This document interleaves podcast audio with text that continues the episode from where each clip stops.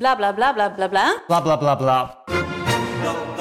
Idealen zijn prachtig, maar woorden verliezen betekenis als je niks doet. Dus laten we met z'n allen wat minder praten en meer doen.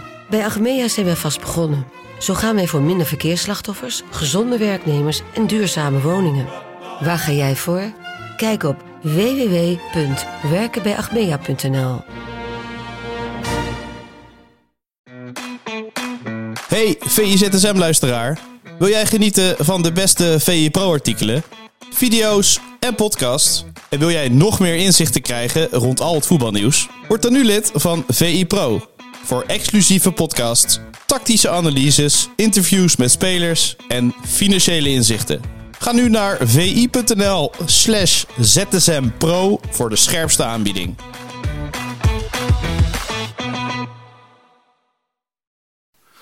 Nou, ik heb vandaag een artikel gelezen eh, op VI Pro. Aanraden voor de mensen, abonnementje op VI Pro. Omdat daar best met enige regelmaat goede dingen gezegd worden. Zoals ook weer vandaag.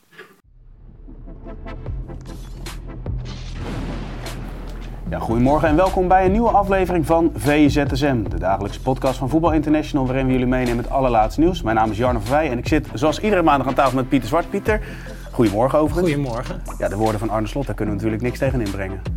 Ja, als het zegt, dan eh, zal het moeten. hè? Abonnementje nemen op VE Pro. Precies, precies. Laten we gelijk bij die wedstrijd starten, want het is ook, eh, als we naar het meest gelezen item op vi.nl, eh, de rode kaart van Vaas. is veel om te doen. Hoe kijk jij daarnaar?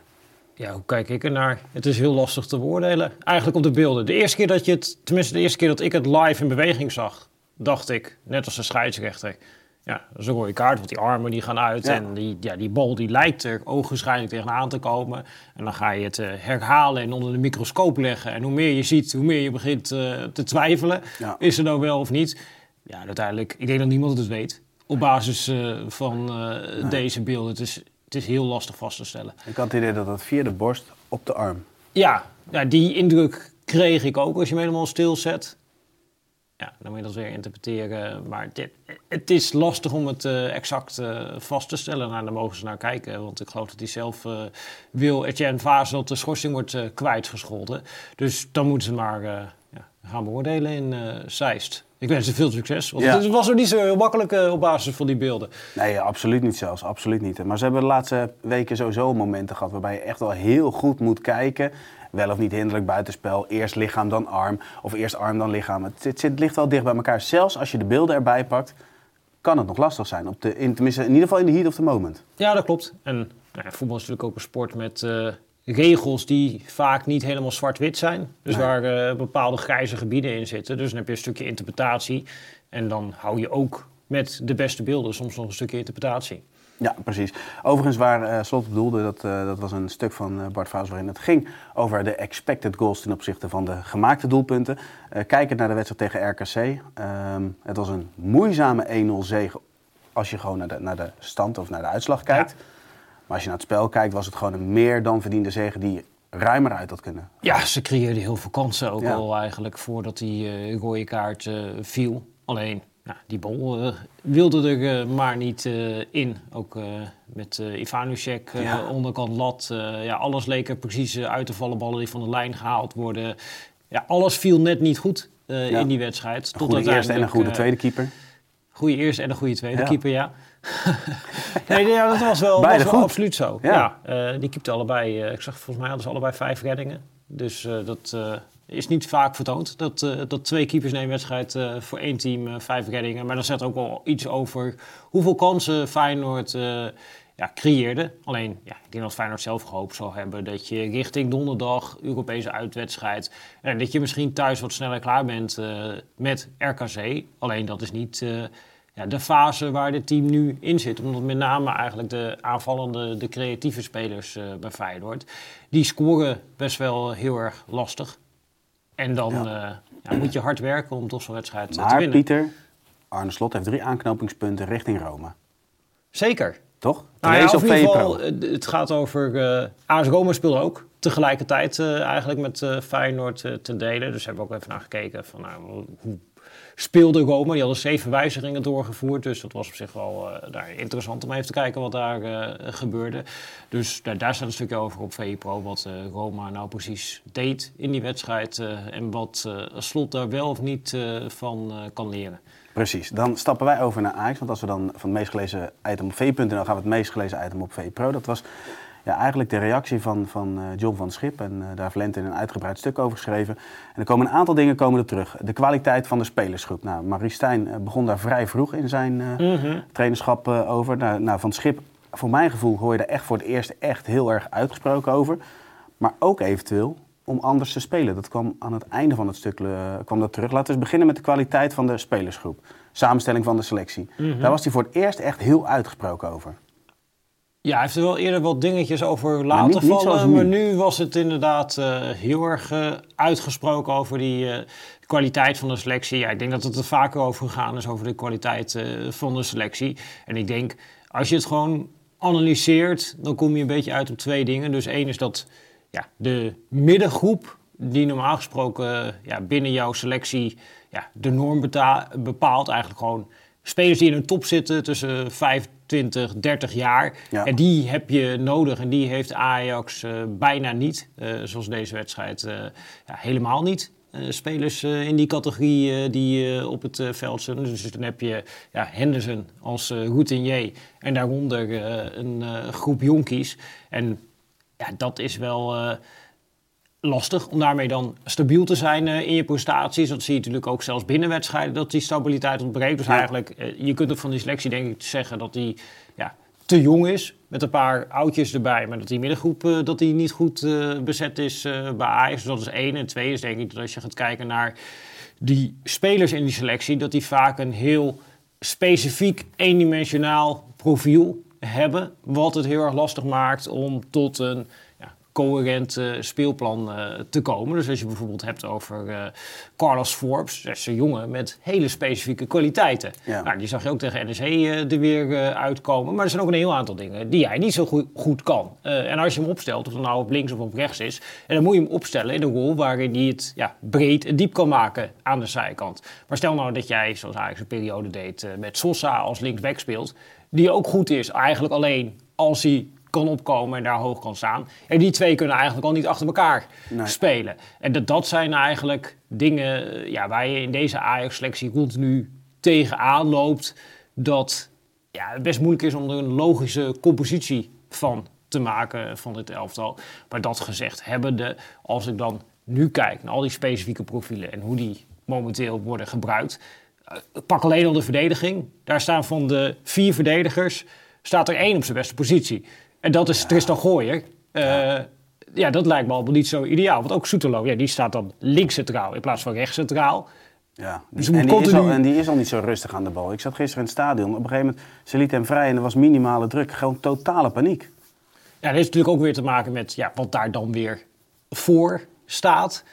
Tuurlijk, dat, dat klopt ook. Maar het is ook een tegenstander weet gewoon dat daar iets te halen is. Ja, al, ah, ja Zeker het verschilt vanuit een die- beetje die van, zone. Ja, van wedstrijd tot wedstrijd. Maar je ziet dat het voor hem lastiger is. Dus als hij links centraal komt, dat je dan Precies. kom je op die, die beetje wat Macquarie had eh, bij eh, Manchester United vaak. Dat is eh, op zich een oké opbouwer. Alleen als jij daar op een goede manier door een tegenstander ingesloten wordt, ja, dan kun je heel moeilijk met je rechterbeen die paas geven. Helemaal als er een linksback staat als Hato, die liever centraal speelt en die ook niet helemaal weet hoe die zich daar Ja. moet positioneren. En dan daarvoor iemand als Barnel, wat ook niet echt is dat je denkt van daar kan ik even makkelijk eh, de bal Ja. eh, aan kwijt. En dan Maar ook in de schuin daarvoor. Het is, het is Klopt. En dan schuin daarvoor staat uh, Hierovic, wat natuurlijk ook niet echt eh, Nee. ja, de spelmaker is die het even gaat neerzetten. En dan zie je ook dat als bijvoorbeeld Van de Bomen erin komt, dan gaat dat alweer iets makkelijker, dat gedeelte. Maar ja, dat is dus allemaal is dat heel erg moeizaam eh, momenteel. We hadden afgelopen weekend natuurlijk ook zo'n stuk online van eh Sam Planting en eh Lentin over die eh, verdediging, die kwetsbaarheden in die eh, verdediging. En als je dan al ja, het simpele feit ziet dat ze in 32 wedstrijden met 18 unieke samenstellingen hebben gespeeld eh, achterin. Ja, dan ga je ook niet krijgen dat die communicatie beter wordt. En als je gewoon die beide doelpunten die NEC maakt gaat analyseren, wat daar allemaal gebeurt zeg maar, in en rondom het eigen strafschopgebied, ja, dan geloof je eigenlijk je ogen niet. Je kunt niet op basis van wat daar gebeurt vaststellen van wat zijn nou eigenlijk bij Ajax de afspraken in dit soort situatie. Moet iemand achter zijn man aan? Moeten ze vanuit de zone verdedigen? Uh, je ziet gewoon dat eigenlijk helemaal dat je ook in balbezit niet terug. Daar zitten ook geen duidelijke afspraken Nou, daar zie je wel in ieder geval dat ze in die veldbezetting, die 3-2-4-1 veldbezetting komen, dat Gooier uh, eerst buiten moet gaan staan. Uh, dat Linson die tweede nummer 10 wordt. Dus je ziet het daar op zich, dat, dat kun je wel terugzien. Ja, maar ze zijn niet één keer echt onder de druk van NEC makkelijk uitgespeeld. Nee, maar je ziet wel wat, wat ze willen. Alleen, dat, dat, dat, dat wordt slecht uitgevoerd. Maar daar kan ik wel zien wat hij wil. Daar is hij met zijn eerste wedstrijd mee begonnen. En dat is hij daarna is hij daar stug in blijven volharden om dat op die manier uh, te doen. Maar verdedigend. Dan, ik, ja, Lenten heeft me ook wel eens vragen gesteld. Wat is nou de bedoeling? En wat van, hij dan zegt van het schip, wat de bedoeling is. Dat op het veld zie je dat helemaal niet gebeuren. Dus het zijn allemaal ja, hele vreemde dingen. Maar als je dat alleen al, zeg maar, die 2-2 in die slotfase erbij pakt. En hoe ze daar staan te verdedigen in het eigen strafgroepgebied. En dan krijg ik daar de indruk bij. Ja, of die spelers houden zich niet aan de afspraken. Of die afspraken zijn volstrekt niet duidelijk. Die momenten zie je ook terug, hè? De, ja. van echt van irritatie, van waar blijf je nou? Ook in het druk zetten. Je ziet gewoon irritatie ook onderling. Ja, maar dat begint denk ik met dat er een bepaalde duidelijkheid is in wat zijn nou eigenlijk uh, de afspraken. Het deed me denken aan uh, in het boek over de periode van Pep Guardiola bij Bayern. Er staat een hele scène beschreven over uh, Xavi Martinez. Die kwam bij Atletiek Bilbao vandaan en die speelde daar onder Bielsa, wat natuurlijk heel erg mandekking uh, is. En Guardiola wilde hem ook als centrale verdediger gaan gebruiken. Die speelde altijd speelde die, uh, op het middenveld. En dat er hele sessies waren ja, waar het ging over... oké, okay, bal is aan de zijkant. Ja, wat doe jij dan als centrale verdediger? En als je dan... Ja, dat stond op de dag van vandaag bij uh, Guardiola-teams... Ja, dat je weet van ja, die linker centrale verdediger... Ja, die neemt een sprint om die lage voorzet eruit te halen. Mm -hmm. uh, en die ander gaat mee en dan moeten middenvelden moeten voorkomen om eventueel die teruggetrokken voorzet uh, eruit. Ja. Nou, dat is een hele heldere afspraak. Uh, maar je kunt natuurlijk ook zeggen, ja, het is in de 16, manneke overgeven, lastig, lastig, zoals sommige trainers dat vinden. Nou, dan moet je echt de man pakken. Maar als je ja. nu hier kijkt, dan staat er een man bij Soetelo, die beweegt weg. Daar gaat Soetelo niet mee mee. Rens die heeft een man, die gaat wel achter die man aan. Uh, daardoor staat één man vrij. Maar Soetelo had ook niet die paaslijn eruit uh, laag bij de eerste paal. En dan heb je nog maar over twee van al die spelers. Want daarvoor laat Dienson, die laat ook gewoon uh, zijn man lopen in de 94ste minuut. Lasse Schöne, waardoor hij onbedreigd die voorzet kan geven. Ja, het, het, is de meest basale dingen die daar fout gaan. En dat is natuurlijk wel ja, zorgwekkend in het licht van... Ja, dat dit keer op keer gebeurt. dat de onderliggende cijfers ook dramatisch zijn. Uh, en ja, het hier vaker over gehad, dat Ajax defensief, en dat is nog steeds zo, gewoon in het hele seizoen functioneert als een uh, degradatiekandidaat. En tegen NEC is gebleken ja, dat dat niet is opgelost. En ze proberen het iets compacter te houden en wat meer terug. En dan hier of iets naast uh, Henderson. Maar ja, dat lost het duidelijk nog niet op. dus ja, op dat vlak moet Ajax eigenlijk naar de tekentafel. Slot zei natuurlijk ook na uh, AS Roma dat uiteindelijk ja, in het verdedigen, en dat is ook een beetje de visie van uh, Louis van Gaal, het gaat uiteindelijk om ons trainen, je moet voor iets kiezen en dan moet je daar ook echt voor gaan. En nu bij Ajax zie je... Ja, consequent zijn in de speelwijze en de afspraken. Ja, precies. En dan kun je ook spelers daarop aanspreken van hé, hey, jij doet dit. Maar je ziet eigenlijk al het hele seizoen bij Ajax dat ja, dat wisselt heel erg, een beetje die afspraken in het uh, verdedigen. Er ontstaan er allerlei grijze gebieden. En dan zie je op een gegeven moment continu ja, allerlei spelers die maar een beetje zitten te shocken. Of een mannetje overgeven, terwijl ze eigenlijk die man niet kunnen overgeven. Allemaal heel raar gedrag zie je terug. Maar dat komt denk ik terug uit dat het ja, niet heel zwart-wit is, die speelwijze. Ja, ofwel, en dan doen al die spelers het niet, heb je weer een ander probleem. Alleen op het veld is het ja, niet terug te zien wat nou precies de afspraken zijn. Uh, en als je dan in februari zit, is dat wel zorgwekkend. Ja, absoluut. Ik wil toch nog even iets positiefs uit die wedstrijd halen. Want NEC speelde de eerste helft echt vrij en best behoorlijk positiespel. Ja, zeker. Ja, en uh, die Shaggy vind ik een fantastisch voetballer. Dirk ja. Proper was geweldig. Zo, die was niet normaal. Maar ook dat centrale duo, Pieter. Ja, Sandler echt een goede speler. Ik vind die Kelvin Verdonk vind ik ook een, uh, een goede speler die Ja. zich eh, heel goed eh, ontwikkelt.